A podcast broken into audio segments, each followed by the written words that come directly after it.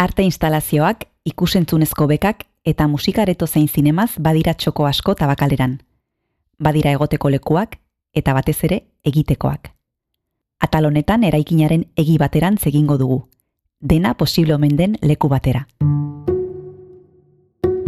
Azkena izan zen saiatu gainela jaurti izan zen Pegasusu behiroa, eta izan zen kansat kontuakin, beraz izango zen 2000 mezortzi meretzi. Zein da zuen proiektu horrekin noaino iritsik? Espazera. Espazera. Al límite. Eun, eun kilometroak pasatzea. Eun kilometroak pasatzea. Bai, osea, gero, bueno, gero ja, ideia izango litzateke kon, eh, koetean barrun kamarak eta jartzea, eta baina, bueno.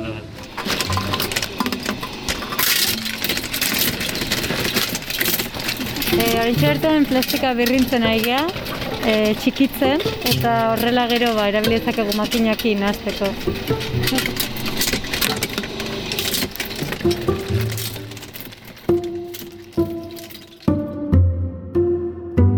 Kristina Tapia guizi naiz eta hau Tabakalera Hotsak podcasta da.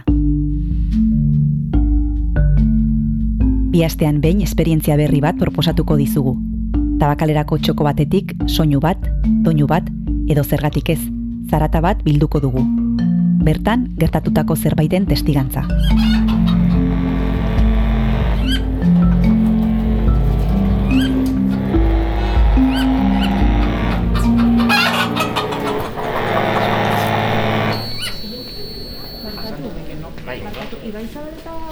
Ibai Zabaleta egon barko luke laborategia. Ondo, Bai, igual, enekorekin... Vale. Bai. Ba, Ibai Zabaleta naiz, Donostiarra, mila beratzen dara batean jaioa, eta medialabeko eh, laborategiaren koordinatzailea naiz, eta sorkuntza proiektuak eta ikerketa proiektuak koordinatzen ditut ere. Zabaletak ireki dizkigu Medialab guneko ateak. Tabakalerako bigarren solairuan kokatuta dagoen sorkuntza liburutegia laborategia da Medialab. Gela zabala da, eta tramankuluz, trastoz eta makina zengaiuz beteta dago. Laborategi herritar bat da. Fablaba da, em, emaitiak bere garaian bertan ematen zen em, unibertsitateko ikasgai baten e, emaitza da. Eh? Asignatura honetan edo, egiten zena zen eh, how to make almost everything, osea, nola sortu ia edo zer gauza, eta hori plano teoriko batean sortu zen e, asignatura izan da, ba hortikan e, abiatu zen ikerketa bat jakiteko benetan zer behar zen e, ia edo zer gauza sortu ahal izateko. Orduan, e, Fabla da, ba, ba, o, tresna horiek dauzkan e, e, espazio bat. Azkenean laborategi bat, laborategi ireki bat da, normalean teknologia irekietan oinarritzen dena, ze e, ezagutza hori partekatu egiten da, eta normalean ba, Fabla bat- batek daukana da, ba, ba, egurra lantzeko tresneria, eunak lantzeko tresneria, zirkuitoak edo elektronika lantzeko tresneria, e, laser, laser e, baketa makinak, irude impresorak, eta eta gero tresneria oso e, zabal bat, esku tresneria oso zabal bat, ba, ia edo zer sortu edo konpondu ahal izateko. Dena sortzeko, dena konpontzeko baliabideak eskaintzen dituen laborategia donostian egiteko ideia lehendik zetorren.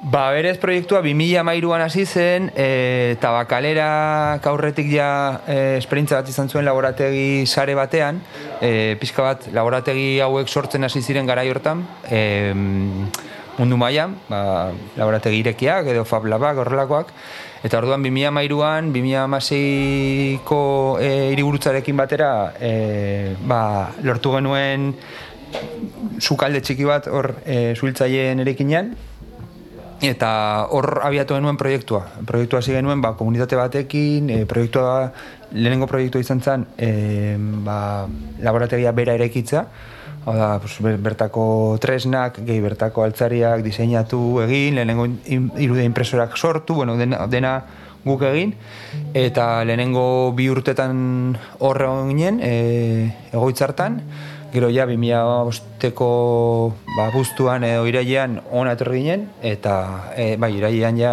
tabakalera irekitzen.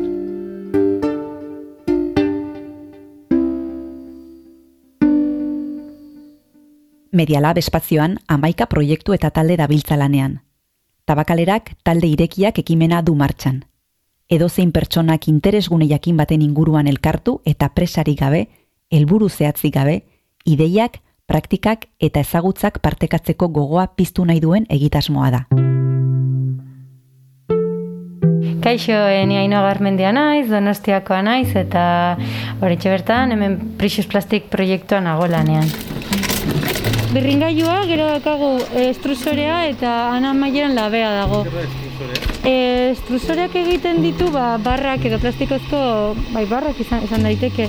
Eta daukagu molde luze bat eta horrela ba, plastikoa joaten da ba, lehenengo berotzen, temperatura oso, oso altuan, ia irureun grado jartzen ditugu labea baino gehiago naita, eta, plasti, eta gero ba, en, makinak iten duena plastikoa aurreratzen joan eta horrela ba, moldetik ateratzen da ba, barra moduan. Laro zentimetroko barrak egiten ditugu, eta gero bari, egiteko ba, barrak moztu egiten ditugu, eta oraingoz ba, aholkitxo txikiak egin ditugu.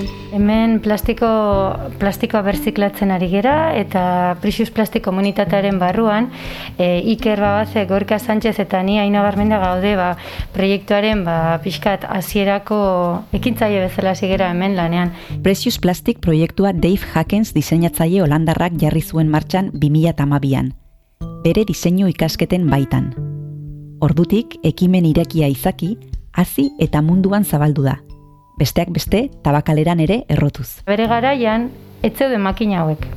Beraz, guk sortu behar izan genuen e, ontzi edo labe antzeko bat, e, lapiko handi handi bat hartu, forratu e, bari, material ezberdinarekin ba, beroa eta saiesteko filtra jarri genizkion eta mendira joan ginen, basikamente.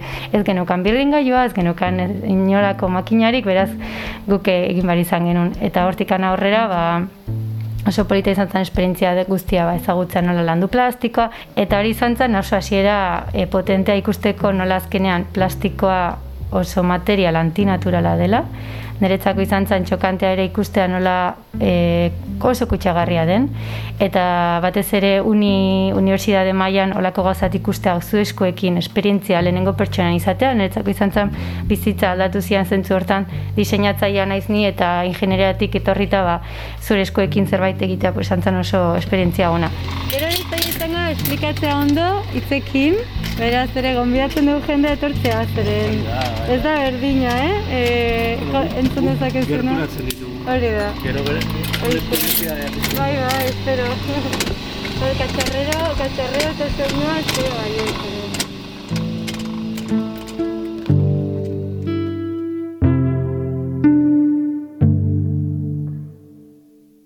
Lantalde irekiak dira bai em, laborategiaren e, komunika, komunitate ezberdinak e, aldarrikatzen dituzten taldeak eta baita ere bertan lan egiten diren e, gaien e, e, irudia. Azkenean lantalde irekiak dira em, helburu bat, e, gurea bezalako laborategi batentzat, azkenean laborategi publikoa da, laborategi ireki bada, e, kultur arloan sortu den laborategi bat. Orduan, e, esan bezala, objektuak ez dira laborategi honen eh, helburua eta bai zentzu e, handi batean e, lan egiteko moduak edo e, ezagutza partekatzeko logikak, orduan la, e, lan talde irekiak dira gustu hori, ez? E, ba, pertsona talde ezberdinak modu autonomo batean lan egiten dutenak e, interes konkretu baten inguruan. Interes konkretu hori edo zer izan daiteke. Plastikoak birziklatzea edo Five, four, three, espaziora koete bat bidaltzea esaterako. zero. All engine running. Liftoff. We have a liftoff. Ba, bueno, a ver, proiektu bat zen finean hori, baiek esan duen bezala sortu zen 2006an, Mikel Neketeanik sortu genuen, amasei urte genitula. Eta, bueno, ba, esan genuen ba, ben, koetak egin nahi ditugu, eta koetak egiten hasi ginen. Eta, bueno, hori, hasi ginen hasieran hori, motoreka, e, etx, etxean guk egindako motorekin, eta hauek egin genuen juna maika, izan zela gure lehen koetea. Baina koeta hauek zekaten tobera, zen buzinezkoa eta utxiten zen, beraz horregatik hau ustetatea zala hogei metrotara, Ekain Larrañaga Euskal Herria Aerospace proiektuaren arduraduna da Mikel Malagonekin batera, eta beraien ametsak koete bat espaziora bidaltzea da. Probatu genitu niru den diseinatutako motoreak, e, koeteak, hauek dakate motore komertzial bat, interneten erosten dela. Eta hauekin ditxi ginen berreunda irurogei metrotara, gutxi gara bera. Ere erabili genitun koete hauek frogatzeko badibez e, giro estabilizazioa eta aleta okerrekin. Eta gero jen genuen gure koete jaurtegun koete handiena izan zela Pegasus. Eta honek zer eman motore hau, jebidrakoa. Horrein egiten egia honen bertsio berria, zatik hau ja pixka bat zarra gelditua. Zuma metrota izatera. Hau iritsi zen laureun metrotara. Atea zen 600 km orduko abia, azelera- abiadurekin, eta azeleraz izan zen e, zerotik 600 kilometrora segundu erdin, gutxi gora bera. Eta edukizun arazo izan zen, e, a- azelerazio batik, konoa dela iruden diseinatutakoa hau egin zen, eta horregatik gelditu zen laureun metrotara. Baina benetan koete hori zegoen diseinatua, bai, ba, hori berri, berri, berria jarri genion, baina beste desagertu izan. Eta bueno, eta oza, honen ideia da, bueno, hontan ere bai. Bai, hau da, irua, hau da honen bertsio betuan, baina hanek hau azkenean ez genuen jaurti, zatik e, diseinuan arazo pare bat zitun, adibidez, hemen, hemen gen- genitun pieza batzuk, eta parte orain ja aluminiozkoak nahi ditugula, eta hau da plastikozka. Eta bueno, hau azken finean, e, honen ideia da, e, apojara iristean, e, kona des, e, despegatu egiten da, eta hemen jauz gaio ateako litzateke. Talde irekien baitan sortu zen proiektu hau ere, eta irekiak dira hain zuzen ere, edonork parte har dezakelako. Bueno, e, lantalde irekiaen e, ireki e, parte hori, e, justu ere ho- hori izan nahi zuen, ez? Lantalde hauek jarraian egiten dutela lan hemen, eta edozein pertsona etortzeko irekiak daudela. Orduan, normalean, e, pandemia garaia pasatzen denean behintzat horrela izango da berriro ere, e, normalean lan, lantalde hauek e, elkarrekin lan egiten dute hemen laborategian e, asteko egun batean edo bitan, arratsaletan, gero beste momentutan ere egin dezakete, baina normalean em, elkartzeko une bat daukate eta edozein pertsona hurbildu daiteke ba, taldeek nola egiten duten ikusteko edo, edo ba, lantaldetan laguntzeko irekia dira bai. Atal honetan bi ekimen azpimarratu ditugu, baina askotarikoak dira medialaben elkartzen diren taldeak. espazio hori lotua dauden batzuk daude, ba, irudean e, ikasteko lantalde bat, irude ikasi. E, eungintzarekin esperimentatzeko talde bat. E, adibidez, eungintzan esperimentatze talde honek e, bilakera bat izan du azken garaian, eta orain e, irudea eta eungintza uztartzen duen e, talde bat da, eta leno agian bazen gehiago, ba, e, ungintzaren teknika eta teknologia ezberdinak aztertzen zituen talde bat.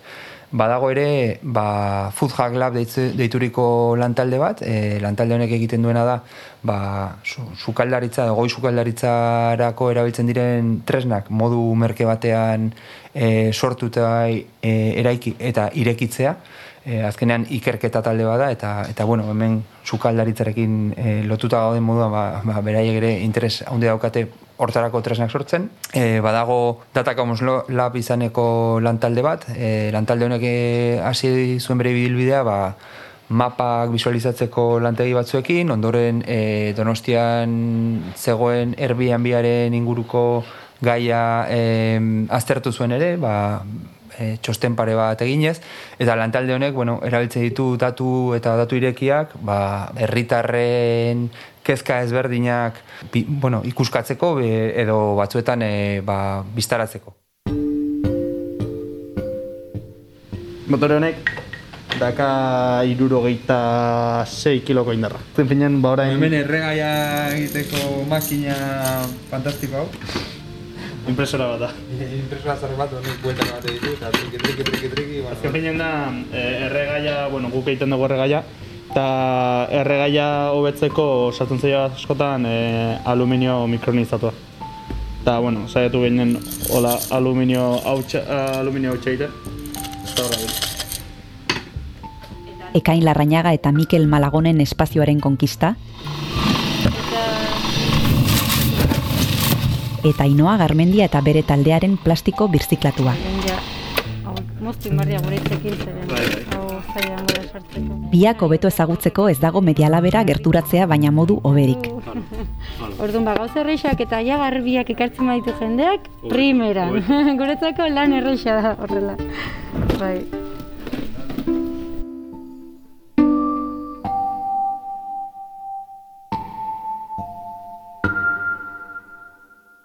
Entzun duzuna tabakalerako txoko batean grabatua izan da, baina txoko gehiago ere badaude. Urrengo ataletan entzungo ditugu. Gogoratu audio plataforma guztietan entzun dezakezula tabakalera hotxak. Arpidetu eta gustatu baldin mazaizu lagun artean zabaldu. Urrengo atalera arte entzule.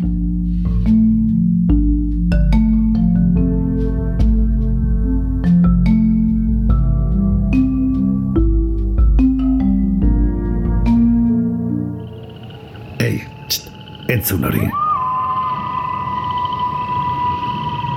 Ulu Media.